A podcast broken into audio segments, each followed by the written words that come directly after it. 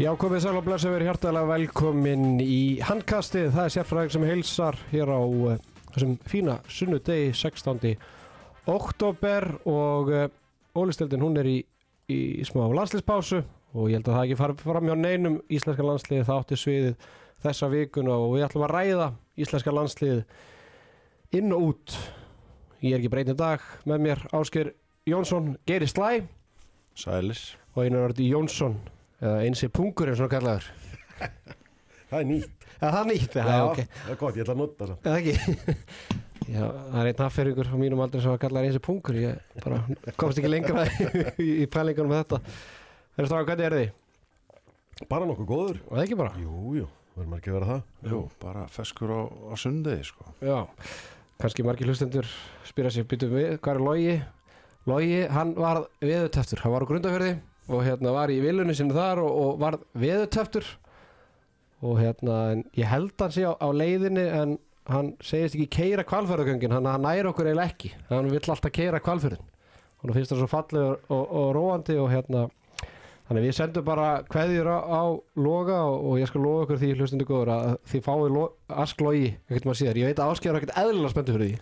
Já, það, það, ég, þetta hefði verið one for the ages sko En það verður að býða Það verður að býða betri tíma. Og fær þá bara betri tíma til að finna fleiri spurningar. Já, já, það eru orgið nema í kringu 30 þannig að þetta hefði hvað sem verið bara einhver auka þáttur þannig að þetta verður bara að býða betri tíma en allavega við ætlum að, að rýna í íslenska landslið eins mikið og, og hægt er en uh, undakefni Evropamótsins 2024 eina hvar fyrir EM 2024 fram?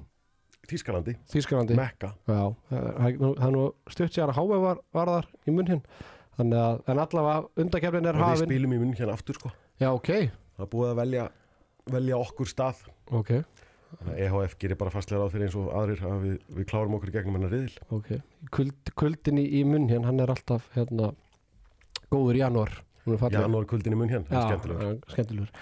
En við erum allavega með tvo sigur eftir fyrstu tvo leikin það var Ísraelsmenn sem mættu til leiks í ás, ásöldum á, á, í síðustu viku og í gær kíktu við til Íslands og unnu þar nokkuð sannfærandi sigur. Uh, Ísland vann Ísrael 36-31 og unnu síðan Ísland 25-37 mikið skora, mikið gaman og mikið fjör. Uh, Gísli Þorgeir atkvæða mikill í, í sigurum átt Ísrael með 6 mörg, Donni með 7 Kristján Kristjánsson, hann er kallað Donni í þessu þætti eins og allstar, hann hefur það alveg á hreinu.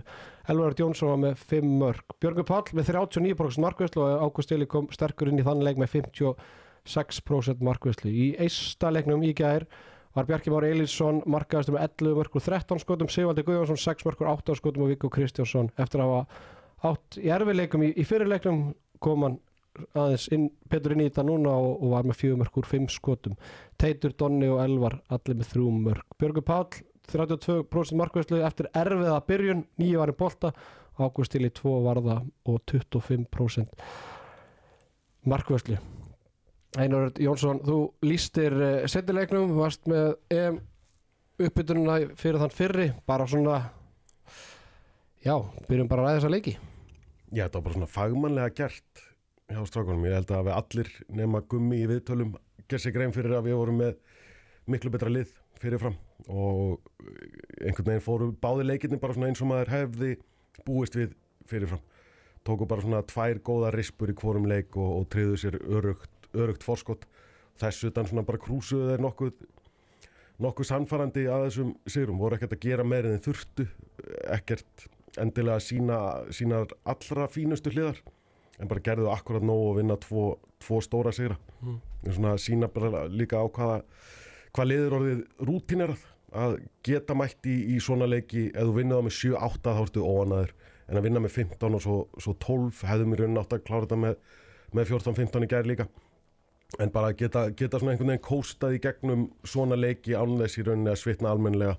Sýnir mikinn styrk hjá, hjá liðinu og breyttina, gott að geta nýtt breyttina og haldið öllum gangandi með liðinu, það skilur að sé ekki gæjar hérna þegar við komum inn í HM í janúar sem, að, sem er ekki búin að snerta bolta í, í landsleik í, í marga mánuði, heldur að allir, allir fengi að vera með margi sem skoruði, eða allir sem skoruði þessum tveimur leikjum, Mhm. bara mjög svona solid framist það, fyrst og fremst.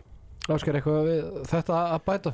Nei, bara uh, sammála þú veist, þetta er hérna, þetta voru frábæra rispur í báðum leikjum inn á milli og svo eitthvað svona sem var ekki eins gott en, en það er alltaf og, og hérna, ég samála einari þetta er líka bara svona áframhald af, af hérna, síðasta Evrópumóti sem sýnir okkur það að Ísland er bara komið miklu meiri breytt heldur en kannski við höfum þekkt á, á undarförnum árum.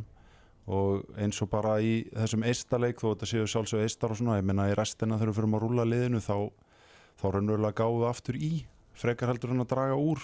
Og hérna og það er bara svona svolítið áframhald af því sem var að gerast á þessu Evrópumóti að það er einhvern veginn við náðum að halda alveg ótrúlegum dampi þó að það var að koma nýju leikmenn og, og svo, og svo frammiði sko. Mm Einar, eitthvað svona skýringar á þessari breytingu, veist, er þessi strákar sem er að koma inn á bekknum núna viljur einhvern veginn til að sanna sig hefur við kannski frekar verið með eldri leikmenn á bekknum sem hafa þá verið frekar í því hlutverki að þeirra svona þetta úr landsliðinu eða þú veist, hvað, sérðu eitthvað svona breytingar? Já, mögulega eit- eitthvað, eitthvað svoleiðis en ég held að sé líka bara að hvað er komin góð rútína í liðið. Það eru allir einhvern veginn á í sömu pælingum og sömu línu og þessi leikstíl sem að, sem að gummi og, og leikmenn ekki síður líka svona svolítið endur gerðu fyrir EM í, í janúar að, að spila allt öðruvís en gummi hefur viljað láta á spila undan farin, ára, þetta minna kerfisbundið en minna bundið í einhver svona löngflókin kerfi með mörgum hreyfum, þetta eru árásir frá, frá miðjumönnum og svo ertu með nógu klóka leikmenn til að spila það út til, til enda. Við erum búin að fækka skiptunum sem við spilum Kæró ábygglega um sko 2 þriðju við erum fann að spila 3 og 4 sem mín leik í staðan fyrir 15 sinum Já, og bara samt þeir og Barca 2, já. Nei og svo náttúrulega er þetta líka sérst, breytin er ekki bara þú veist, í, í, í landsleishopnum við erum bara komin með opbúslega mikið af jafngóðum leikmenn þú veist, í vandraðum að velja leikmenn í stöður að þú veist með svo mikið af strákum sem eru að spila á háuleveli úti í, í, í Evrópu. Þú ert ekki einhvern veginn að fylla upp í með þremur, fjórum síðustu, síðustu nöfnunum þú með þrjú, fjórum nöfn fyrir utan hópin sem allir ættu mjög sterkt tilgætt til að vera í hópnum. Bara fyrst eru komnir þanga og við ætlum að að reyna að krifja eins mikið og hægt er og veist, þarna fórum við bara að rífa upp Haugur Þrastarsson Já. skilur mig, þú veist, við erum bara með einn Haug Þrastarsson, leikmann Kílsei í Pólandi bara utan hóps, Einar, núna þú ert kannski aðeins meira inn í þessu heldur nýja ásker kringum landsliðið og, og, og allt þetta hver er skýringin á því að Haugur Þrastarsson er ekki í þessum hóp? ég nefnilega á mjög erfitt með að finna einhverja góða skýringu aðra en þá bara að gummi finnur að hann treystir þessum strákun sem voru á EM í janúar þá var haugur meittur og ekki með og gummi einhvern veginn svona vill allavega halda hann er náttúrulega íhaldsamur til að byrja með og stundum býtur hann eitthvað í sig og hefur greinlega bitið það í sig núna að haugur væri ekki allavega á þeim stað að ógna þeim sem eru í hópnum og komu svona sterkir inn í, í janúar. Og mér finnst það einhvern veginn vera svona helsta skýringi núna, hann heldur sig við þennan hóp sem hefur þjónað honum vel núna síðustu tíu mánuðina. Og ég held að þetta sé ekkert endilega eitthvað gegn haugi, þetta er meira bara með þeim strákum sem hann er búinn að vera að treysta á, á hinga til, að því að getulega á haugur klárlega að vera inn í þessum hóp alveg 120% og ég vona að hann verði með í, í janúara því að haugur er strákur sem að getur gert, gert hluti sem að mjög fáir aðrir í þessum hóp utan kannski byrjunni sinns þessar fyrstu sjö geta gert og það getur verið mjög dýrmætt á, á móti eins og í, í januar og líka bara þurfum að fara að fá haug inn í landsliðið aftur til að byggja hann upp í að verða síðan leiðtógin sem að við vonumst til þess að hann verði Mm. Þá einmitt hefði haldið að, að þetta væri þá tíðbútið til að fá hana því að þetta er Algjörlega. a- alveg verkefni fyrir HM Já. í, í, í janúar þannig að og þess vegna var ég mjög hissa að hann, að hann væri ekki þarna mm Mhm. með fullri virðingu fyrir, fyrir Danna, Daniel Þór að hann er tröstur, hann er frábær varnamaður hann er búin að spila vel í sókninni með, með balingen en Haugur er svona okkar vonarstjarnar til, til framtíðar Já, ég held sko, að- menn hann hlýtur að vera að hugsa þannig að, að haugur sé samkeppni um miðumarstöðuna við Janus og Gísla og, og það sé ákvörðun sem hann að taka út frá. Ég held að, þú veist, Janus kom náttúrulega var greiðlega sterkur í, í, í sinni innkomu á EM í Ungarlandi í janúar sko. algjörlega, hann þurfti að býða lengi eftir að svona fá mm, tækifæri til að spila, það ertu býst að margir að veikjast áður en að gummi treysti Janusi en, og- en Janus launaði tröstið og Ja. síndi náttúrulega mikla þólmaði líka áður en hann fekk að, spila. Og það hefur verið auðvelt að vera eitthvað fúll yfir að hafa ekki spilað fram að því en, en Janus er bara klárstrákur og, og, og við sé alveg nákvæmlega sitt hlutverk og beði bara þólmaður það er, þú veist, held ég líka máli út af því að þetta er væntalega þá Janus Elvar Áskirs sem eru svolítið þarna í þessari samkeppni. Þú veist, Danni náttúrulega veitir ákveðna breytt varnalega sem að við kannski þurfum uh, að, hérna, að minnst okkur stíð vissum leikjum, hann síndi það líka á, á, á EM. En þú veist, uh, já, ég menna Janus er náttúrulega líka frábær leikmaður og hefur verið að spila mjög vel með sínu félagsliði líka. Haugur kannski er í svona aðeins öðruvísi hlutverki hjá sínu félagsliði hann er náttúrulega bara komin á fullt skriðu núna er að spila bara í þessu hérna, Dutsibæf kerfið sem spilar 15-15 og kannski svona því miður fyrir hann að einhver leiti þá er hann að spila fyrir 15 yfir leitt og, og hérna, en bara er að gera það frábælega þó, þó hann sé ekki með einhver eitthvað endalist á mörgum og, og eitthvað svoleiðist þá er hann samt bara að spila þá rullu í því liði sem hann er. Það sem hann ert bara með veist, því líka markaskorar og kannonur í kringu í ykkur einustu stöðu og Haugur hefur verið að gera vel að mista okkur stíðu sem meistarðildaleikjum í að, veist, mata línumanni búa til færi, veist, hann hefur bara verið að spila sitt hlutverk í liðinu mjög vel. Já, Dútsibæði vill ekki að miðjumenn skjóti. Miðjumenn hjá Dútsibæði lifta sér ekki upp og skjóta. Nei. þeir eru að spila og búa til, þeir eru að starta þessum reyfingum sem að svo leiða til þess að skittunar fá flugbröð eða ef einhver gleymir sér að línumæðurins í opinn sko.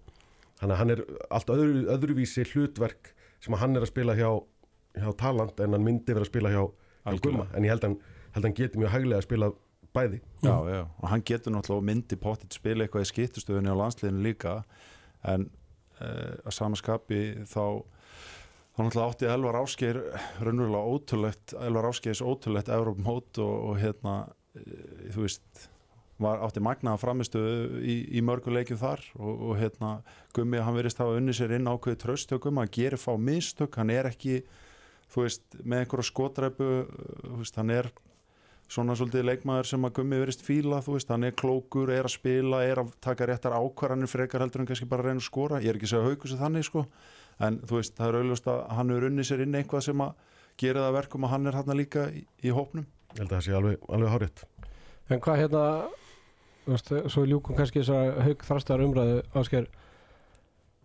stá ekki haugur að vera í þessum hópi eða, eða er hann bara í einhverju samkeppni við Janus og er að tapa þeirri samkeppni eða hvað þú veist? Ég, mér, mér er, er landin að fara að sjá haug á HM í janúar eða? Það er náttúrulega erfitt að segja. Ég meina Gummi náttúrulega hérna, og hans þjálfari teimi taka þessu ákvörðin ég held að allir handbólta undir sig saman um það að haugur og heimi í þessum hópi. Vandamáli er hins vegar eins og eina segir að e, þetta eru allt frábæri leikmenn sem, að, sem hann er að keppa við um þessa stöðu. E, þú veist þannig að þetta er ekki beint auðvelt val. Þetta fer þá kannski meira að snúast um hvað færðu frá vissum leikmennum þú veist, eru Janus og Gísli þú veist, ákveði líkir leikmenn og þú fær, fær þá eitthvað annað frá hauki ef hann kemur inn í hópin versus hafa þá tvo. Þú veist, þetta fer að snúast um svona hluti. Uh, treystir hann Janusi eða hauki betur varnalegi bakverði? Þú veist, þetta, svona, þú veist, þetta, þetta fer að snúast um þetta heldur en kannski bara pjúra getustíð en þú veist já, svo verður kannski bara komið ljós hvernig svona þú veist, hver meiðist, hvernig hérna, hlutni þróast en, en þetta er raunverulega það sem þetta snýst svolítið um í mínum huga út af því að þetta eru allt svo ótrúlega hæfileikaríki leikmenn sko, og hafa allir svo mikið fram að færa sko. Já, samála því en, en hérna svo ljúku þessu þá allavega finnst mér þetta aðtiklisvert að, að haugur sé ekki inn í þessum stóra hópi og, og eins og einar segir að var ekki með í síðasta og ef, ef hann á að vera klár í janúar Já, þá þó ekki væri nema bara til, a, til að skoða hann Já, bara spila hann. Gummi fá að sjá hann almennlega því að Gummi getur náttúrulega ekki farið á, á leiki í, í Pólandi eða, eða gert neitt annað en að skoða hann bara af upptökum Mhm. en það er allt annað að sjá hann á, á parkettinu í hvort sem hann var á æfingum og svo eitthvað spila lítið en uh, ég hef alltaf haldið að Gummi vildi fá að skoða nema sér bara búin að ákveða nú þegar að hann ætli sér ekki að nota hann alveg í bráð. Já, en það væri skrítin ákvörðun og Gummi tekur uh, sjaldan skrítnar ákvörðunir. Líka út af því að þú veist öll, allar þessar spurningar sem var að kasta fram á hann með svona mismunandi eiginleika leikmanna, veist, þetta voru leikin til þess að fá eitthvað svör þar held ég líka. Þannig að það er sérstætt að hann hafi ekki verið að það uh, Vindum okkur í aðra stórstjórnu það Aron Pálmarsson, hann leik ekki með íslenska landsliðin í þessum báðum leikjum vegna meðsla og, og hérna þú veist, maður sé, sé aðeins umræðin og heyrt umræðin og þú veist, einar erum við komni bara á þann stað að við getum ekki uh, treyst lengur á að Aron Pálmarsson sé með, þetta er orðið bara nánast annað hvert verkefni sem hann annarkvort er með eða þá er hálfur. Já, ég held við þurfum allavega að búa okkur undir það að Aron muni ekki spila alla leiki sem, að, sem að við spilum. Mhm. og hann er, þetta er stórum mikill skrokkur og, og, og svona aðeins gjarna á að, að meiðast. Þannig að við þurfum allavega að búa okkur undir það að hann sé ekki með og finna þá eh, hvaða lausnir við höfum þegar hann er ekki með. Hluti af þessum meðslum kannski í þessum stórmótum líka hefur verið að því að hann hefur bara verið notaður alltaf mikið. Það er ekki hægt að láta leikmann eins og Aron með, með þennan skrokk og þessa hæfileik og svona leikstíl sem hann hefur getur ekki látið hann spila vörn og sókn alla leikin, alla leiki. Þannig að við og Gummi náttúrulega sérstaklega þarf að finna einhverju leið til að gefa Aroni pásur innan leikja og mögulega í að sleppa heilu leikjónum á, á stórmótum ef að, ef að svo ber undir líka.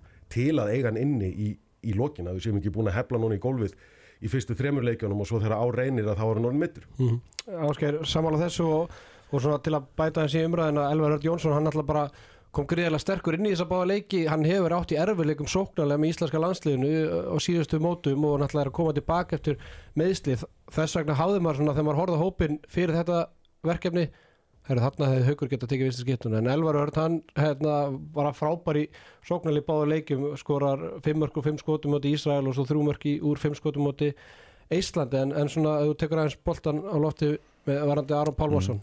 Aron, þú veist, jú, ég menna Aron þurfti svo sem ekkert að sína okkur neitt í þessum tveimu leikjum, að veit allir hvað hann getur. Uh, hann, menna, hann var að spila með hérna Álaborga móti Kílsegi meistardeldinni og, og hérna þú veist, hann var bara að gera frábæra hluti í þeim leik uh, sérstaklega framan af, þú veist, bara gera nákvæmlega það sem hann er alltaf að gera, þú veist, hann var alltaf að vinna sína ára, hann var að mata línumenn að búa til færi, þú veist. En eins og eina nefni og við vitum uh, hérna, og við getum loksins þú veist, farið svolítið vel með hérna, með porsin okkar uh, þú veist í, með landsliðinu.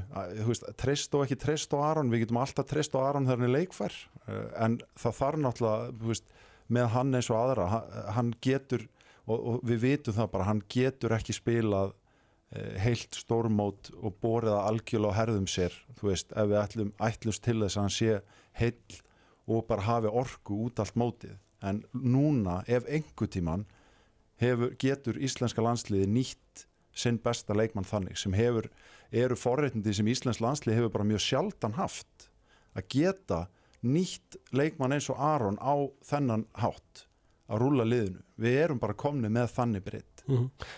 uh, Einar, ég veit að þetta er erfið spurning ég geta svona ímynd með hvað hverju svarar en veist, er íslenska landslið betra með hann innaborðs? Klárlega, já, já, alveg 100% Ég meina, hvernig fannst þér að spila á síðasta EM?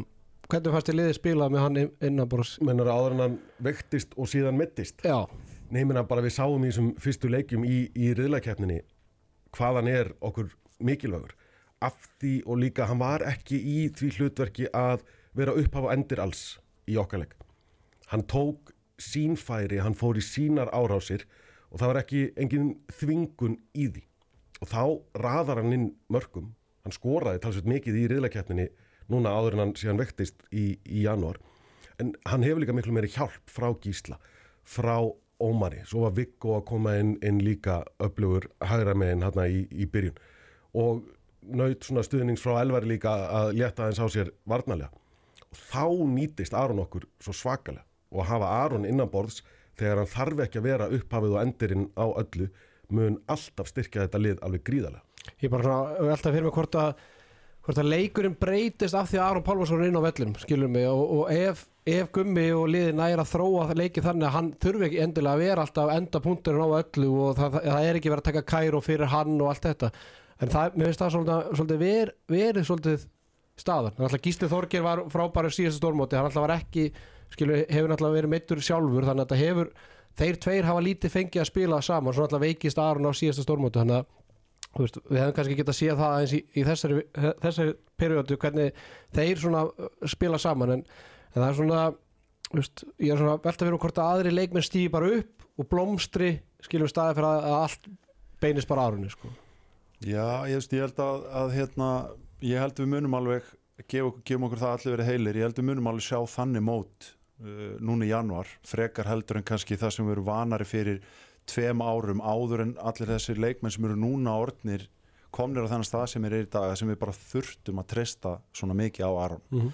Þú veist, vandamáli var kannski að þegar að Aron var þreyttur og var farin að tapa boltum og gera mistök og svona sem bara allir leikmenn í heiminum geta lendi árum áfram að þá er verið að spila honum áfram út af því innan gæsalapa við verðum Mhm. skilur, það er ekki gott fyrir hann, fyrir liðið eða fyrir neitt en núna er það engin afsökun lengur eins og ég var að nefna út af því að veist, við erum bara með það mikið að hæfilegar ykkur leikmennum að við eigum að geta rúla liðinu þannig að við eigum að geta að besta út úr öllum. Ég held líka að við verðum aðeins eh, að rósa líka gumma og eh, að, að hluta til leikmönnum sjálfum í þessari breytingu á uppleggi í sóknarleiknum okkar. Að í staðin fyrir að láta Gísla Þorgir vera einhvern miðumann eins og kannski Snorristeinn var að hlaupa með í kerfunum og leysin á línuna og, og klippa inn línumannin og, og hvaðina að þá spilar á styrkleikunum sem að Gísli Þorgir hefur. Og styrkleikar hans nýtast rosalega vel með Aron með sér í skiptustöðun líka. Að gera þessar miklu Aron sér vinni í sér mann og skilja boltan eftir á hárréttum tíma fyrir Aron til að lifta sér upp og skjóta. Aron þarf ekki lengur að tjakkast í gegnum einn, tvo varnamenn og taka svo réttu ákvörðunina þegar það búið að tvímenna á, á hann þetta, einhvern veginn, þetta upplegg í, í spilinu og vera með þrjá góða spilandi leikmenn hann fyrir utan. Ómar Ingi vinnur mann, Gísli vinnur næsta mann og þá er allt í einu allt galopið fyrir, fyrir Aron. Það auðveldar Aroni líka að spila. Það tekur minni orku úr honum bæði líkamlega og svo andlega líka. Það þurfi ekki að vera með þetta allt á herðunum heilt, eh, heilt stormót sem að var svolítið staðan síðustu kannski fimm árin fyrir mótin núna síðasta januar en svona finnst að- aðeins konir í svona bara sóknar pælingar þú veist við við erum eins og við erum búin að tala um það er að aukast breyttin skilum mig og það eru aðra leikminn að koma inn en, en það segir sér sjálft að liðið með Aronni innan borð þá fækkar mínútur frá Elvari og, og þá fækkar Elvari Erni Jónssoni og þá fækkar mínútur líka frá Elvar Áskessinni og, og koll og kolli.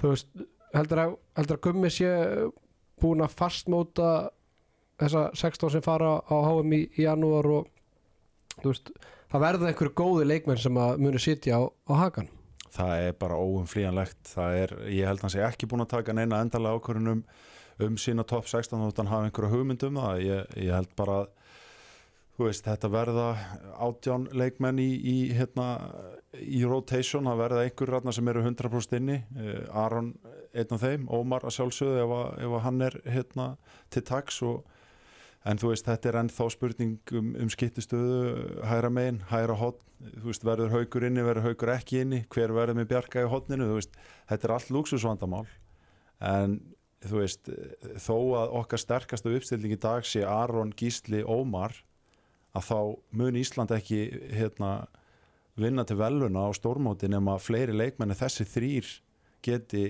hérna, séu með framlag það er alveg 100% gefið sko. Mhm. þannig að hérna, það er verkefni að, að spila liðinu þannig að þeir séu ekki að bera upp í allan leik liðsins framan á móti og séu svo þreytir eða mittir þegar að hólminni komið í restina heldur að Gummi hafi lært mikið af síðasta stórmótiðinar út af öllum þessum breytingum þú veist að því að veist, maður veit ekkert ef og hefði bara ef, ef, ef hérna, hann hefði ekki þurft að fara í þessar breytingar á síðasta veist, þá, er, þá væri þessi lína sem ásker að segja núna veist, þá getum við alveg trúa því að bara ef Aron, Gísli og Ómar eru klárir þeir myndi bara spila 95% af einhverjum ákveðnu leik sko. Já, ég meina Gummi er íhaldsamur og fastheldin og það er svona læðist að manni sá grunur að, að hann mun ekki alveg rótari jafn mikið á HM og maður kannski telur nöðsynlegt að, sé hann var að glóna flóaveikur í þessu leiki sem voru að eiga sér stað núna í vikunni Já, sko. já, ég meina og þú veist hann var kannski svolítið þvingaðir í að, í að gera þessar breytingar allar í, í janúar síð, síðastlinn já, já, þetta var ekki En- hans ákvörðun sko. Nei, en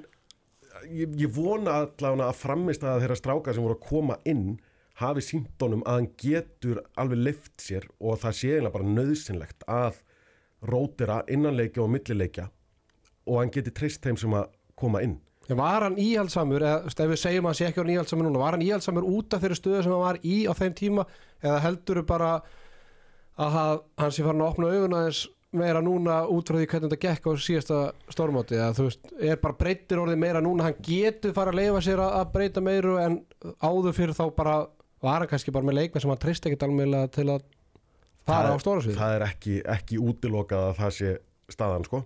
Að hann hafi bara hennilega ekki treyst En, en, en, en að það reyna er á samanskapi bekknum. að hann með Guðjón Val og hann treysti Bjarka má ekki fyrir mínútu oft á tíðum skilur Nei, við nei, og- akkurat, akkurat. Þannig að En þú veist- svo líka, þú veist, kannski að þú gefur mönnum aldrei færi á að uh, sína sig að þá, þá fá þeir aldrei tækifæri á að búa til tröst frá, frá þjálfarnu og ég held að margir í janúar sem að kannski sýnist líka í, í valinu núna hafi unnið sér inn tröst hjá Gumma það er að minnstakosti þannig já, en, það voru svo margir eh, kannski í svo mörgum leikjum og svo mörgum stórmóti þar sem menn fengu ekki einu svona sjensin á að vinna sér inn, inn tröst hann skipti kannski, þú veist, eftir 25 minútur skipta hann um miðjumann en bara í tvær sóknir. Og þá kallaði hann aftur á, á miðjumannin sem að var hans aðal miðjumar en þú verður að gefa mönnum tímundu korter. Skilur, Aron verður að fá pásur og ein, tvær sókn er ekki pása. Þú verður, einhver ver, þarf að geta komið inn á og fá tröstið til að vera inn á í tímundu korter til að leysa hann af hólmi. Og sama með Ómaringa og, og Gísla og, og svo framvegis og svo framvegis. Og ég vona að augu gumma hafi opnast fyrir því að hann getur treyst hópnum sem hann er með í, í höndunum. Og hann verður að, að treysta þeim. Að mér finnst finnst það alvarlegri mistök að treysta ekki hópnum sem ert með og svo er allir ónýtir og þú lendir einhvern veginn í að, að liðið heldur ekki dampi frekar en það að treysta á hópum sem ert með og kannski renna á, á rassin með það. Ég er þá frekar til að sjá það. Að, að gefa mönnum pásur og að rótira til að halda fleirum ferskum og fleirum inn í mótinu.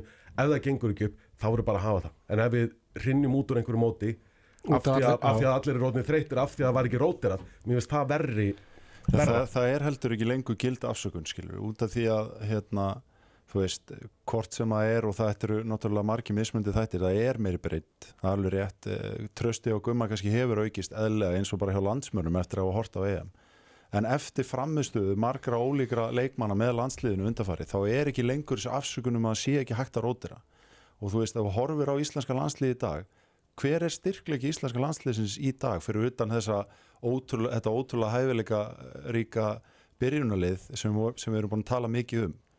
Að það er bara breytt Já, veist, ok, menn á kannski tala um línumanstöðuna eða eitthvað, en það er, það er einhver einasti leikmaður sem getur komið inn á að vera með gott framlag og það hlýtur að þurfa að vera eitthvað sem við þurfum að reyna að nýta okkur til þess að ná sem lengst með þetta lið.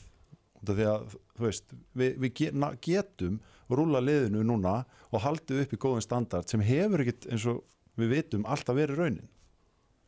Sem var því förum í hérna hotnamennastöðunar og talandi um breytt og, og, og springa og allt þetta. Hægur hotnamennastæðan var einn leikmaður með og, og, og sinni vakt á, á, á EM í uh, á EM í Ungrandi í janúar. Og maður svona spyr sig hvort þetta var mannréttindabrót eða jafn- jafnvel vinnuþrælkun á, á Sigvaldagreinu og ég meina ég, ég hendi Þetta er ekki dagur á milli leikja, voðalegt er þetta. Ég spilaði áttaleiki á tíu dögum á stormótinu, svona einn í hæra hodninu. Já, það var líka þetta, það var, það var ekki höfmið í á einu minn og svona en ég meina það bara ég meina það bara síndi sig í kjölferði og Sigvaldi spila ekki í fleiri fleiri mánu eftir tíðanbilið og, og hérna ég reynda að, ég kom með þetta á Twitter á, á stormotinu í, í fyrra og hérna þú veist bara, ég, bara með full- fullur virðingaunar að hægur hotnamenn er ekki make it og break it hvort þú vinnir leikið þegar upp er staðið Erfiðast, erfiðast staða vallarins. Já, já, en þá bara spilar eitthvað upp á annað og teistur hún mikið inn í færi en allavega, þú veist Sigvaldi spilaði nánast allar mínúturnar á, á síðasta stórmóti meiðist, Gummi hlýtur hafa lært af því að það, hann getur ekki farið í gegnum annar stórmót,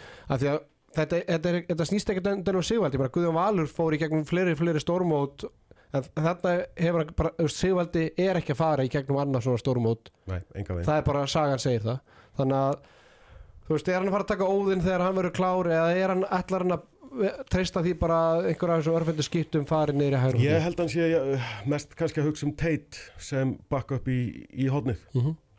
og Teitur er náttúrulega ekki hodnamaður, hann er, hann er skitt og ég er almennt ekki hrifin að því þegar verið að setja einhverja sem er ekki hodnamenn í hodnin út af bara tækninni og, og, og þessum hlutum sem hann var að hafa sem, sem hodnamaður sem að kannski ekki allir eru með. En mér sýnist hann vera að, að eða ætli Teiti það hlutverk að vera, vera backup fyrir, fyrir Sigvalda. En ég vil ekki hafa backup fyrir Sigvalda, ég vil hafa einhvern með Sigvalda.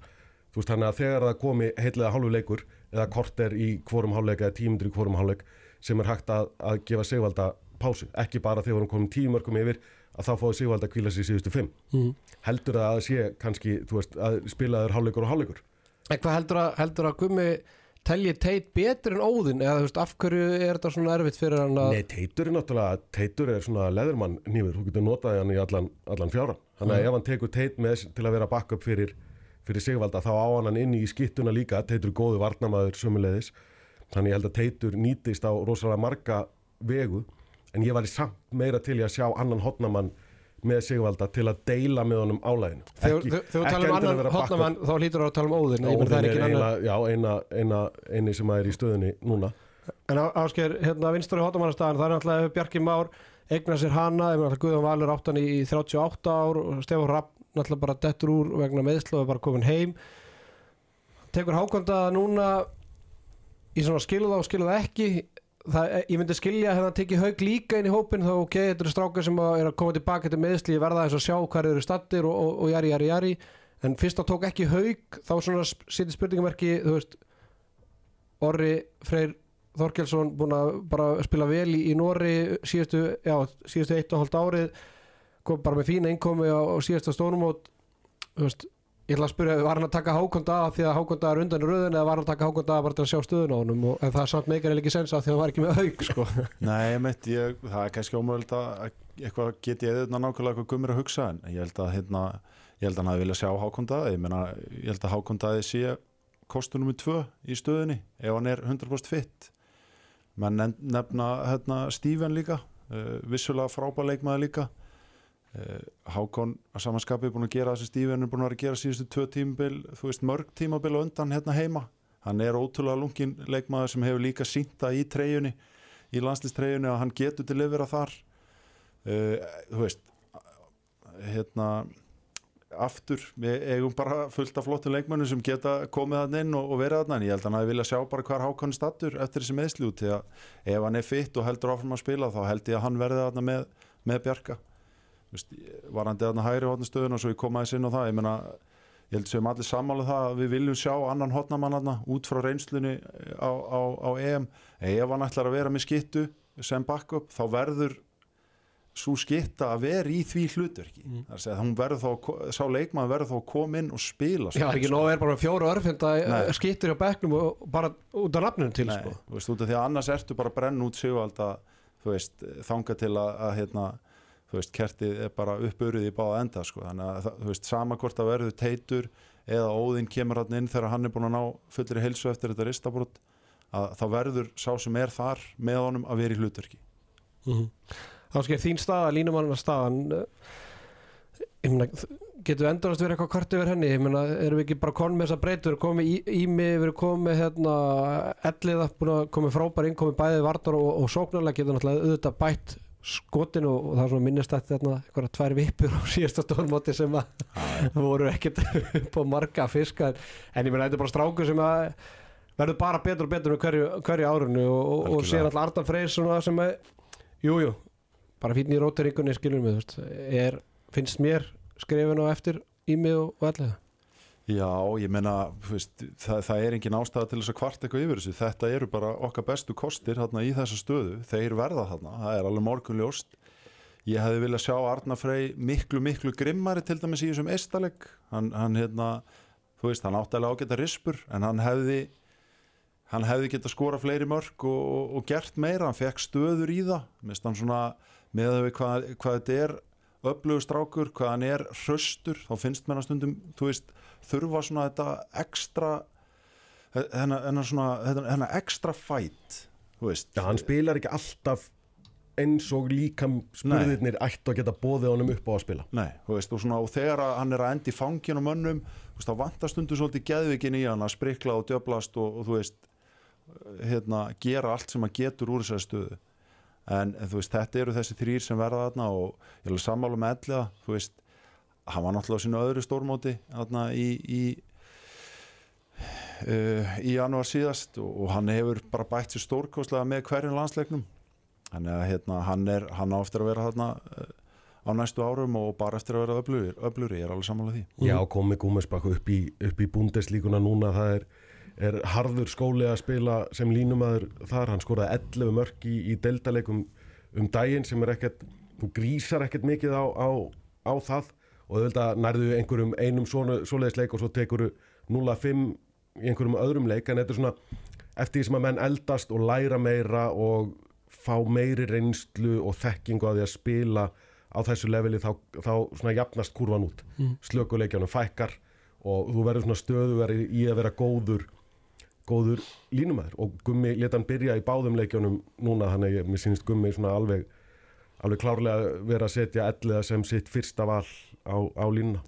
Það er líka bara mjög oft þannig að línumenn þroskast aðeins setna sem slúttarar heldur en uh, kannski að, í öðrum stöðum. Veist, þetta er er alveg erfitt að vera í svona miklum kontakt eh, alltaf að skjóta og eins og við höfum oft séð bara að línumenn er oft sem slúttarar að toppa kannski aðeins setna heldur en aðri leikmenn. Og hérna veist, ég hef engar ágjörð því, ég held að hann muni bara halda áfram að bæta sig með aukinni reynslu og sömulegis með Ímir, ég meina við höfum séð það, náttúrulega ekki náttúrulega línumar en hann er samt alltaf að bæta sig líka sem slúttari. Þannig að hérna ég meina með alla þessa leikmenn, þú veist, sem geta gefið á línu, ég meina við ættum að vera með 5-10 mörka línu í hverjum einasta leik sko. talandi um línumennina og, og þessa varnar í alka þá náttúrulega markværslan þú veist, þegar við byrjum að skrifa handrétti fyrir hana þá þá náttúrulega var allt voðalega jákvæmt frábær markværsla í Ísraelsleiknum en, en svo hugsaði ég fyrir áleiknum í gerð bara shit, er, þau erum ekki alveg jafn jákvæðir mann bjöggi klukka ekki bolta og jú, Ágúst Emil kom hann sterkur inn og hvort hann ekki var eitt víti og, og eitthvað döðafæri en síðan ekki söguna meir og bjöggi svona bjargar andlitinu með fínni markværslu í setni hálfleik. Viktor Gístin alltaf bara frávegna meðsla er eitthvað að drepast í ólbónum fekk einhverja yfirspennu í ólbónum uh, hvernig er svo staðan á markvarastöðunni ætlum við tökum þrjá markmenn út á, í janúar Já, eða ég held að það var ekkert svona COVID eitthvað síðast? Nei, ég held að hann farið með þrjá markmenn með sér. Þetta er þó þe- þessi þrýra Þessi þrýr, já, Viktor Gísli ég rætti aðeins við hann á ásvöllum og hann reknaði með að byrja að geta æfa á fullu í, í næstu viku. Mm. og þú veist, þetta er svona yfirspenna á, á Olbo og svo byrjaði hann að snemma og fekk aftur og eitthvað, þannig að e, þetta þarf bara tíma til að jafna sig, þetta er nú sjaldnast eitthvað, eitthvað ákaflega alvarlegt og, og ef að hann er komin á, á fullt að spila út í Fraklandi áður en að kemur á mótinu þá vona ég allavega að hann haldi dampi frá, frá síðasta móti í markinu hjá okkur líka. Mm. það er hann ekki bara að ringi í andra skefing og fá törminandi spelkun að lána hvis hann er komin á, á náspekk þú kannski græjar númerið á, andra skrifi kannski fá danska númerið. Já. en hérna hver er, hver er markvarðum reitt eða skiptir það engu máli, er þetta bara svona dagsformið hjá okkur Ég var rosa til í að sjá afgerandi markmann nummer eitt. Það væri rosa gaman að því að það myndi þýða að viðkomandi væri eh, stöðugur og, og góður í, í búrinu hjá okkur. Og ég hugsa að ef að, ef að Viktor Gísli er, er heill og 100% og kannski rúmlega það þegar kemur á mótinu í janúar að þá muni hann verða okkar aðal markmaður og svo með bjögga alveg snar að, að koma inn á Ágúst Eli síðan ef að, að hvoruð þeir eru að standa sig sem að vonast náttúrulega til að gerist ekki en ég vil bara sjá, ég vil sjá Viktor Gísla bara verða okkar, okkar svona afgerandi aðal markmann, hann er ennþá það ungur og var í úrvalsliði síðasta Evrópumóts og kannski kemur eitthvað pínu, pínu bakslaðar, það getur verið erfitt að að standa undir svoleiðis og þeim væntingum sem að fylgja þig kannski, en ég vil að hann verði bara okkar, okkar landín. Og Bjöggi verði þá klára alltaf að, að- að bakka hann upp þangað til að skotnir fara á hilluna sem að stefnun reyndar ekkert í hjá Já, hann, Bjögga, á, ég held að hann á ennþá þrjú ára eftir á samlingum Já, já, hann framlengir önnur fjögur eða eitthvað. Já, hann er bara ótrúlegu leikmaður hann Björgvin og hefur bara einhvern veginn sjaldan verið í betra standi einhvern veginn, hann er bara lítið mjög vel út og jú, jú, ég menna þetta sérstök, sérstakur fyriráleikar á móti eistum, en kom svo bara mjög flott inn eftir það, hann hlaði geggja ráðan ásöldum og bara ég menna markmannstaðan með, með þá þrjá hefur bara ekki litið eins vel út mjög lengi sko. En ég er alveg sammála því að eftir svona framistuðu vikt og sérstaklega þegar leið á mó- síðasta mót og vera valinn er svona þú veist, en hann þarf auðvitað líka bara að sína það að hann sé markmaðan með reitt það, það er náttúrulega nú fyrst, fyrst og fremst það sem þarf að gerast. Og hérna vonandi bara neglir að það. Herri straka, við hefum eftir að taka eina leikstöð svona afgerandi í, fyrir áður við kannski svona klárum umræðina bara með því að hitta þessu upp fyrir það sem koma skal, það er viljandi gert hjá mér, það er hægri skiptustöðan það sem Ómar Ingi Magnússon var frá já, vegna meðsla eða veikita þegar hverki komið fram en, en hérna innkoma Kristjáns Arnar Kristjánssonar Donna var náttúrulega ótrúlega, hann staðlega öllum fyrirsögnum eftir Ísraelsleikin en svona já, veist, þetta er, þetta er svolítið þungt mál eða svona, fyrir mér þetta er svolítið vandralt mál hvað, Ómar Inga, þú veist en á veist eitthvað betur, er er hann að fara að koma inn á, á næstunni að þú náttúrulega ert kannski aðeins meir í kringum landslið þú veist, hvað er svona Nei, sko, náttúrulega vill enginn segja neitt. Þetta er bara eins og að kreista tár úr steini að reyna að fá einhver upplýsingar um hvað það er sem er að, er að hrjá hann. En það er eitthvað, eitthvað líkamlegs eðlis og, og ekki eitthvað svona liðbanda högg á vöðva Mhm. dótari, þetta er eitthvað, eitthvað fysíst og bara vonandi leysist það sem fyrst eða verður fundin einhver niðurstaða sem, sem fyrst í það mál og, og Ómar nái sér og jafni sig og sér klári slægin með okkur áfram. Framistæðans í janúar síndi náttúrulega hversu, hversu mikilvægur hann er þessu, þessu liði. En fyrst og fremst har hann náttúrulega bara að ná heilsu og vera klári í slægin áfram. Það er svona eiginlega ótrúlegt að hugsa til þess að við séum með Ómar Inga Magnússon við Viggo Kristjánsson við erum með Donna, við erum með veist, þetta er eiginlega allt eh, eiginlega, ekkert eiginlega, þetta er bara all leikmenn sem er að gera mjög vel í, í sínum liðum eru bara í stóru hlutverkum í, í sínum liðum. Það var eitthvað fyrir svona handbóltum í vikunni, hver er Donni?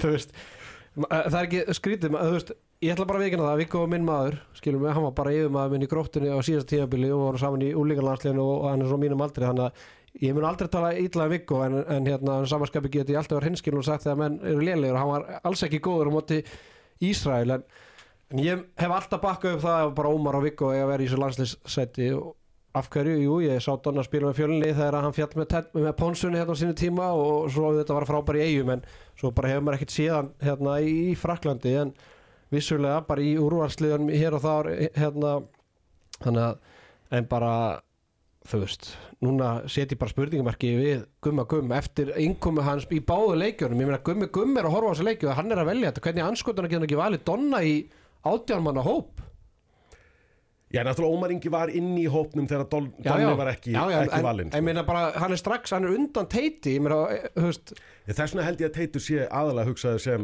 bakk upp í hægra hotnið og, og þá kannski hægri skiptuna bara ef að, ef að leikurinn er algjörlega Já, búinn sko. þú veist, þá, eina, það geta allir leist þess að hægri hotnastöðu, sko, ég meina Viggo er líka frábær í hotninu og þú veist, ég held að hann að sínt það með þessum hérna snúningsvipu þarna í- Flottasta marki EM Já. Já. þú veist, bara, þú veist, að Donni skul ekki vera, veist, og- ok, ég ætla ekki að fara bara hérna over Exxon Monday bara, þú veist, en hann er búin að vera frábær í Fraklandi eftir, eftir hann Íslandsleik, hann fór bara aðeins að skoða þetta og, og, hérna horfa aðeins á okkur klippur ég meina, þú veist, hann er með vopn sem að Korki Ómar, nýja Viggo eru með og fyrir mér er hann bara betur en teitur í skýtustuðinni þú veist, hann, þetta er bara, hann hefur uppstökar líkanlega sterkur, hann er svona fljót stöðuskot á milli varnamanna, þú veist hann verðist leikskilningar er að aukast til muna og ég bara þú veist, þetta er bara nýr leikmaður sem við verðum bara að saksa á sko, við verðum bara að búa til eitthvað moment fyrir þennan skrokk. Klárlega, ég meina og Algjörlega. þessi innkoman sem móti Ísrael var náttúrulega stórkostleg. En- já, og, en, Sannarlega á móti, móti Ísrael já, en, og þetta var samt heldur ekki svo hann hafði eitthvað fyrir þessu. Eða skilum við, þetta var bara hann að spila sinn leik sko, þetta var bara anstæðingurinn lélur þá var þetta bara ennþá auðveldra fyrir hann sko. Þannig að en það er þetta með, með þessa aðra vitt sem að hann hefur sem að er kannski sterkasta vopnið fyrir gumma til að nýta. Viggo er mjög svipaður leikmaður og, og Ómar og það er kannski, þú veist, aðurvísi reyfingar og allt svo en hann, hans styrkleikar. Já, hans, hans leið til að spila handbólta með svipuð og, og Ómars. Mhm.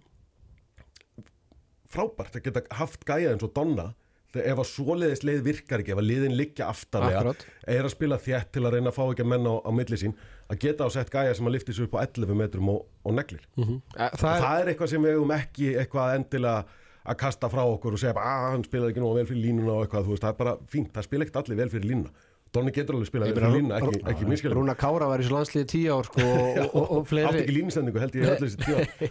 Nei, en þú veist að geta þú veist að hafa leikmenn á, á bekknum eða í hótnum hjá þér til að geta spilað aðra tegund af handbolta. Já. Ef að leið eitt er ekki að ganga, ok, fínt þá bara förum við að stilla upp fyrir einhverja sleggju sem getur lift sér upp fyrir utan og dundraða markið. En svo er bara, þú veist, allavega, ég, ég er held ég sér sammálaðir hvað það var þar að ég myndi vilja hafa Ómar og Viggo og Donna, skilum mig, af því að alveg, alveg, þú veist, ef leið A er að virka en Ómar kannski bara þreyttur, skilum mig, þá viltu kannski ekki endilega fá Donna til að spila breyta um, um taktík, en að sama skapi þá hugsa með skilum mig, ég meina Ómar á góðum degi og bara við vonum það að allt fari vel í, í, í hans, hérna, hans málum að, að hérna, þá er hann ætla bara að fara að spila rosalega mikið, af því að þú veist hann getur kvílt hann í stuttri skiptingu og þú veist, hann getur farið skilur mig, Mhm. þannig að þannig að þú veist, þá spyrir maður sig, þú veist, hvenar þá veist, þarf að þá Viggo eða, þú veist, þannig að þetta er svona, þú veist, í, í draumaheimi þá myndi ég alltaf segja bara Ómar, Viggo, Donni skilur mig, þú veist, en og ég held að það verði niðurstaðan, ég held að fari með á alla. Og líka teit og, teit og þá, eða, tvo hotna, hægri hotnamenn eða? Er alveg pláss? Nei, ekki auka hotnamann, hann fyrir með teit þá. Já, Teit og, og og, já, Fimm örfenda, já, Já, ég menna þú veist, Donni sem, sem hluta af átjónmanna já, Og svo skilur, bara einhverju einn af verður þeim upp í ekki. stúku, já, já. já, já. en ég menna ég held að það, þú veist, eins og þetta hefur litið út þá náttúrulega hefur Donni ekki haft sama tröst og hinnir þú veist, út af því að vantarlega gummi me, hefur metið að þannig að hann sé það ólíku leikmaður hinni tveimur að þeir hendi betur inn í það system sem hann vil spila. Að samaskapi hefur leikur liðsins breyst eins og þú nefndir einar hérna, tölvört mikið og út af því að ég held að þessi síðustu tvö mót hafi verið bara það mikilvægur uh, bara mikilvæg í þróun liðsins. Svona vombriðin í Egiptalandi og kannski svona uh, þú veist þessi formfasti kerfisbolti sem við vorum að reyna að spila þar og svo ári setna einhvern veginn að, þú veist þá er komið svona aðeins uh, meira frelsi inn í þetta sem við erum frekar að spila á styrkleikum hvers leikmanns heldur en, heldur en endilega bara systeminu. Og, og það gerir það að verkum að líka að Donni passar betur inn í liði núna, getur komið með sína styrkleika á borðinu heldur en kannski veist, eins og bara í Egiptalandi og er náttúrulega líka alltaf bara þróast en leikmaður en ég alveg sammálað því fyrir íslenska landsliði þá er mjög erfitt að sleppa því að taka svona X-faktor leikmenn með. Veist, hann hefur hluti sem enginn annar hefur í liðinu, ekki einu sinni vinstra megin, það er enginn sem getur stokki og skotið eins og hann getur gert. Nei, ég meni, ég ápeppaðist bara, ég bara komið með það út á í millirreilunum, sko bara, ég er bara ápeppaðist, ég sá bara, herðu, það er komið ný og nýtt vopni hérna, skilum við, ef ekki Ómar þá bara Viggo og ef ekki þeir þá bara Donni og við erum með hérna Andar Haug Þrastar og Aron Pálmars og Andar, þú veist, þetta- við erum bara að vera heimsmeistari hérna, sko. Nei, ég menna í alvörinni, þú veist, þe- þe- þetta er umræðan sem við erum að taka um íslenska landsliði núna og þetta er, þú veist, þróunin sem hefur átt sér stað og auðvitað spila, heitna, spilar landsliði líka eh, rullu í þróun þessara leikmanna, þú veist, eh, að þeir sé að taka stærri skref hjá sínum félagsliðum og sé að berjast um þessi sæti og það er mikið samkeppni. ákvarðanir, taka ákvarðanir innan ferilsins út frá Já, að já. þeir eru að keppast um að komast í landslið og allt þetta, sko en líka bara það að þú veist eh, andin í liðinu er frábær skilur, það er hérna, ekki alltaf sjálfgeð og hefur var til dæmis eh, hérna, ekkert upp á borðinu eftir slagan árangur til dæmis í Egiptalandi en það hefur þú veist, eitthvað gerst í þróun liðsins í dýnamík þjálfarteimisins samskiptum leikmanna, þú veist eins og við bara vitum eftir EM. Þannig að þú veist, það er rosalega mikið með okkur líka. Og við eigum bara að vera bjart sín og kröfuhörð og, og hérna, þú veist, og þóra Meina, þetta er eitt hæfileika ríkasta landslið sem við séð bara mjög lengi. Sam- og við getum verið stolt af því. Samála því. Endum hérna umræðinu um, um landslið áður en fyrir að tala um HM en varnarleikurinn, þá er svona, erum við búin að loka hringnum. Uh, Gummi hefur oft verið gaggrindur um, um þennan varnarleik sem að, jú, hefur unnið til margra titla í gegnum tíðina en, en menn hafa samt sett stund, stundu spurningamarki og það hefur verið frábært að Lói Gesson hefur nú verið með okkur því að hann er nú einn af þeim fáið sem að hafa nú þórað að gaggrina almeðlega varnarleikin okkar helsti sérfræðingur í, í varnarleik. Já, en hérna þú veist, talandi um EM í Ungarlandi í janúar síðastliðin þá var hann svolítið bara tilneittur í það að þurfa aðeins að bakka skilur mig og, og það er svona verðist vera sem að hann hefur svolítið haldið bara áfram í það. Jú, við þetta erum aggressíver við erum kannski aggressíver á nýju metrum en sko þegar, þegar vest var, þá vorum við komni sko aggressíver út á 13-14 metra og það var bara, það var bara svæðið fyrir Arna Frey bara að vinna var bara 5-5 og, og hann bara, það var bara postnúmer á milli vardamanna þannig að, þú veist, og þetta er líka eitthvað sem að Ásker, þú þekkir það sem varnamar þetta er það sem að gefur liðunum stemmingu og anda og það er þegar vörnin er að tikka og menn eru svolítið ekki bara einn, einn, í, einn í heiminum sko.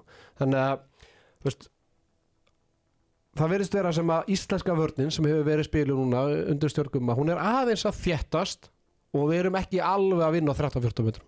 Já, já, það er alveg klárt það, það gerðist og, og það, það þurft að gerast eh, hérna Uh, sko, ég meina eins og Elliði og Ímir veist, uh, það er svo- svona umræða um landslið oft svona svolítið fest í því hvað okkur vantar.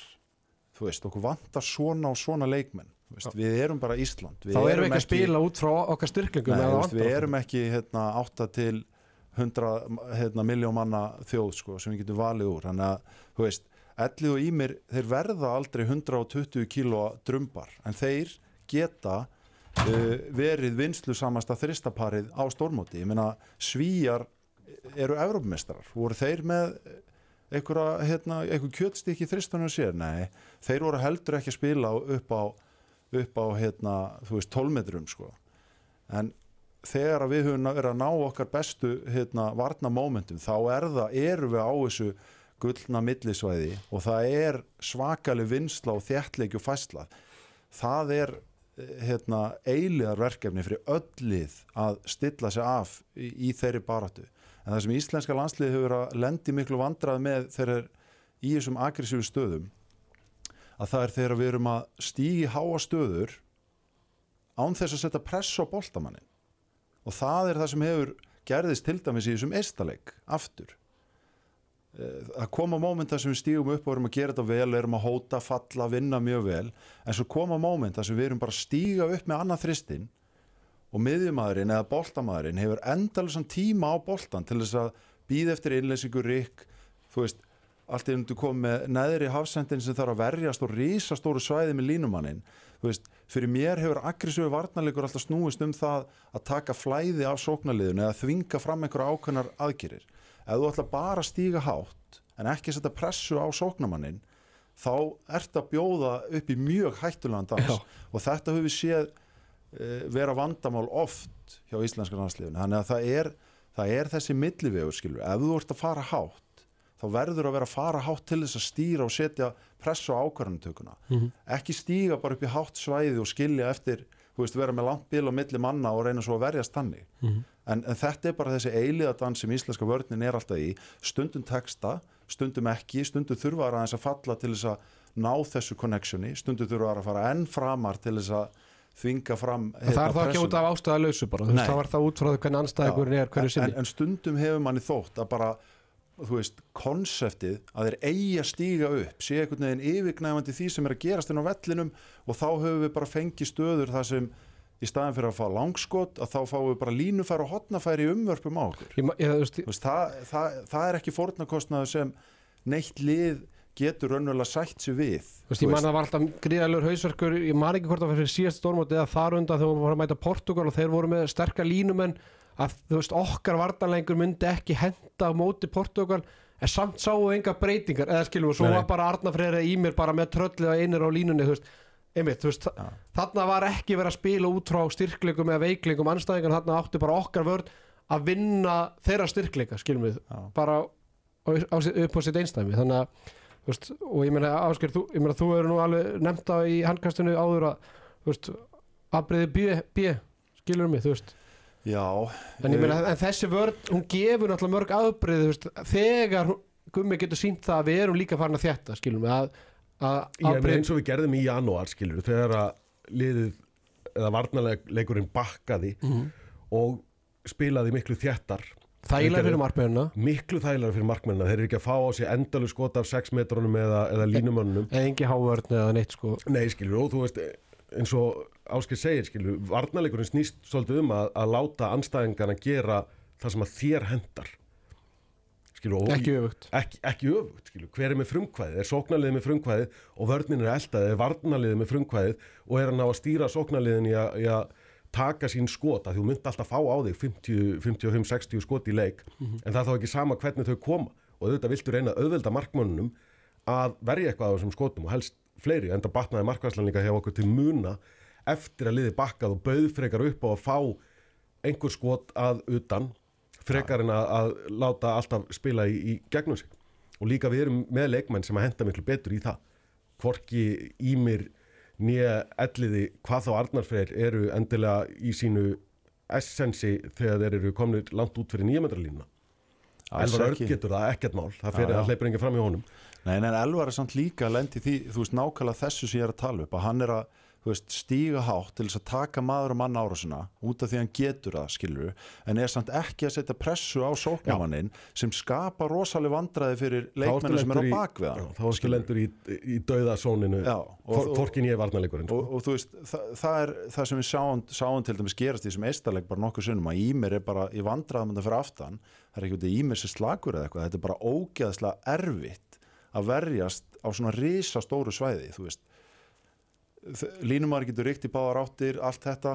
Veist, þannig að veist, þetta er þessi fína lína, stundum hefur þetta smolli, stundum ekki, en veist það mun aldrei finnast einhver ein framtíða lausn á þessu, Þe- þetta er bara eðli varnarleiks í, í handbolta. En, en lausnin er að minnst okkursti allavega aldrei að vera bara með eitthvað system, spila það no matter what og ætla ekki að reakta inn í leikjum, skilur, það, það skiptir engum máli hvort þú spila 3-1, 6-0 eða eitthvað annað, þú verður alltaf að reakta og ég held líka að það sem gerist kannski er að leikmennir hafa ekki bara fengið meira að seg sóknarlega, heldur líka varnarlega þeir, þeir þurfa að stýra þessu sjói skilur, þeir, þeir þurfa að ná þessu connectioni inn á vellinu. Þó svo að þjálfarnir séu að leggja ykkur að línur þá, þá verður varnarleikur í handbólta alltaf þannig að dýnamíkin verður að skapast inn á vellinum, milli leikmanna í samtali, fjarlað, finnpúsa þetta er bara eiginlega verkefni og algjörlega og ég, og sé, ég ætla að vona að þetta sé allt, allt að fara að smetla og, og hérna við bara liftum þeim stóra í, í janúar í, í hvað, ég veit ekki eins og hvort að úsletilegunir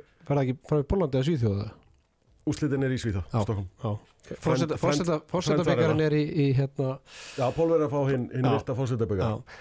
Uh, myndum okkur bara aðeins að HM það eru þrý mánuður í að flauta verið til leiks í á HM Nei, á HM sem framfyrir Svíþjóð og Pólandi það er mjög algengt að þau séu að halda að mótið saman. Stutt á milli er bara smá sjór á milli. Reyndar. Það var eðlilegra en Svíþjóð, Nóriður og Östuríki eins og var hérna bara Herðu, hérna, við erum í riðli með uh, Suður Kóru, Portugal og Ungarlandi, það eru þekktar starðir þar, Portugal og Ungarland einar, við vorum ekki droslega heppnir með riðil. Nei, við vorum eh, bara mjög óheppin með riðil. Þetta var alveg hróðalegur dráttur fyrir okkur. Að því sögðu erum við mjög heppin með milliriðil, en við þurfum að klára þennan riðil áður en við komumst í, í, í milliriðilin og þetta er yeah, nánast erfiðasti riðil mótsins. Er það ekki bara fínt að klára það bara strax? Ef við klárum það með, með sóma er það alveg stórkostlegt, af því að svo býða okkar mun þægilega anstæðingar í, í milliriðilinu. En bara að vera að spila aftur við Portugal og Ungverjaland eftir að hafa ítt þeim aftur fyrir okkur í, í sko naumum leikjum í janúar síðaslinum og þetta eru tvær þjóðir sem að vilja vera að berjast í sömu í sama potti og, og við sko. Þeir Já, já. vilja vera að kroppa í topp 6, topp 5 bæði Portugal og, og Ungverjaland. Ásker, hvað hérna, hvernig er svona, ég veit að það er þrý mánuðir í þetta, en Mm. ekki bara góð tilfinning fyrir þessu? Jú, ég meina þú veist, mann ætla bara að krossa fingur núna um að, að hérna, allir verið heilir og þessi hérna, hræðilegu hausverkur gumma um að velja þennan lokahóp haldi áfram. En þú veist, við hefum bara að gera fulla kröfum það að vinna þennan riðil og, og hérna og, og fara á, á fullu skriði inn í inn í milliriðil og vonandi bara alla leið í, í hérna í útsláðakefna ég meina auðvitað eru Portugal eh, hérna, og Ungarland frábær lið og auðvitað getur söðu kóri að veri hérna, mjög skeinuhætti líka en íslenska landsliði með alla sína menn og, og það sem að við erum að spila bara góðan leik er samt sigurstranglegasta liðið í þessum riðli fyrir mér Ég klárlega, klárlega. og, og hérna, mér, mér finnst ekki það og, og ég, ég efast ekki um að allir þjálfarar og leikmenn og allir sem hérna, er í kringum þetta landslið sama hversu varlega gummi talar í viðtölum e- eru með það á, á, að markmiði að vinna hana riðil sko. Og, og einar var að tala um að við erum heppni með, með hérna milliriðil, þar mætu við liðum sem að lendi í topp þrjú í riðili Brasilíu, Úrugvæ, Svíþjóð og Grænhöðeir. mm. þannig að þú veist ég meina þú veist ef við fyrir ekki upp á þessu riðli skilum við þá þetta bara áttum við ekkert meira að skilja en, en þegar við erum komnir þangað þá erum við sko jújú, jú, að sjálfsög verður þetta erfitt að móti svíjum á, á, í hérna Gautaborg en þá erum við að mæta annarkvort Brasilíu Cape Verde eða Brasilíu og Uruguay sko þannig að velgerlegt Já, já, og, já. og tvö efstu liðin í þeim, þeim reyðlur komin í áttarúslit sko. og við þurfum að fara þangað ef við ætlum okkur að komast í uh, undakefnina fyrir olimpíuleikana Ég, ég held að getum bara allir satt hreint út allt annað en að komast þeirra áttalega úrslit væri veruleg vonbreiði fyrir íslenska landsliða á þessum móti. Ég held að ég held það Mér finnst bara sangjart að að halda því fram sko. Já, Já, ég, meni, ég, sé, ég sé ungveri á Portugali ekkert endilega að leysa sóknarleikin okkar. Þetta, var, þetta mun miklu meira snúast um hvernig við leysum sóknarleikin þeirra. Já, já, og, og Portugalinni komnir hérna með, með táningsbræðuna tvo sem ég man ekki hvað heita algjörlega. Sem eru búin að bætast við eða frá, frá síðasta móti, Já, já. móti þar. Að segja frábærir en ég meina þegar ég eftir að spila á stórmóti það er svolítið annað en að, en að spila í portugalsku deildinni heima. Já, já, þannig að ég, ég sé að, að þú- þetta er okkar allavega að klúðra orðaðan þannig. Mhm.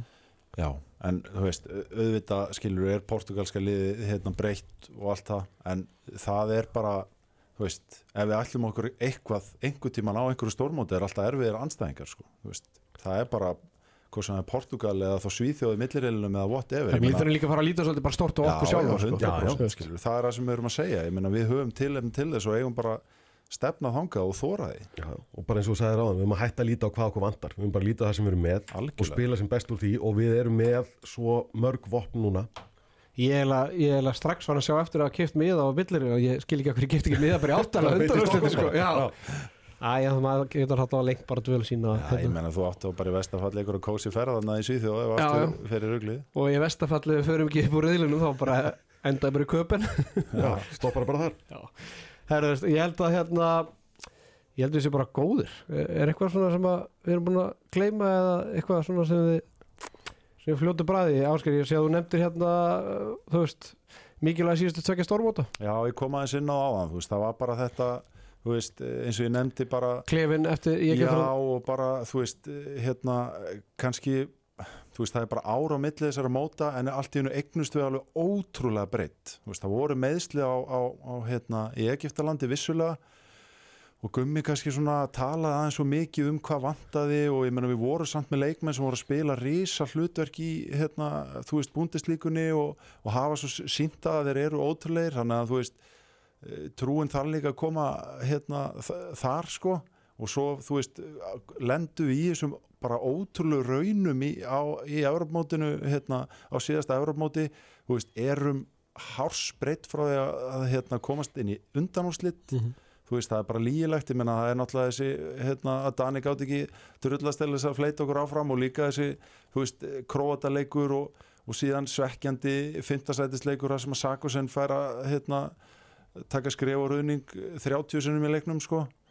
Þú veist en bara þó svo við ekki farið undanúslit á, því móti er það einn ótrúlegasta árangur eh, Íslands landsliðs hinga til. Þetta var svo jákvætt og skemmtilegt að sjá þú veist, eh, andan í kringu liðið og, og, og við erum þú veist, að byggja á því áfram og, og hérna og, bara vonandi heldur það áfram. Því, að eins nei- neikvætt og, svona þungt og Egiptaland var þá var Ungverjaland bara hérna ótrúlega ótrúlegt og einstætt moment sko.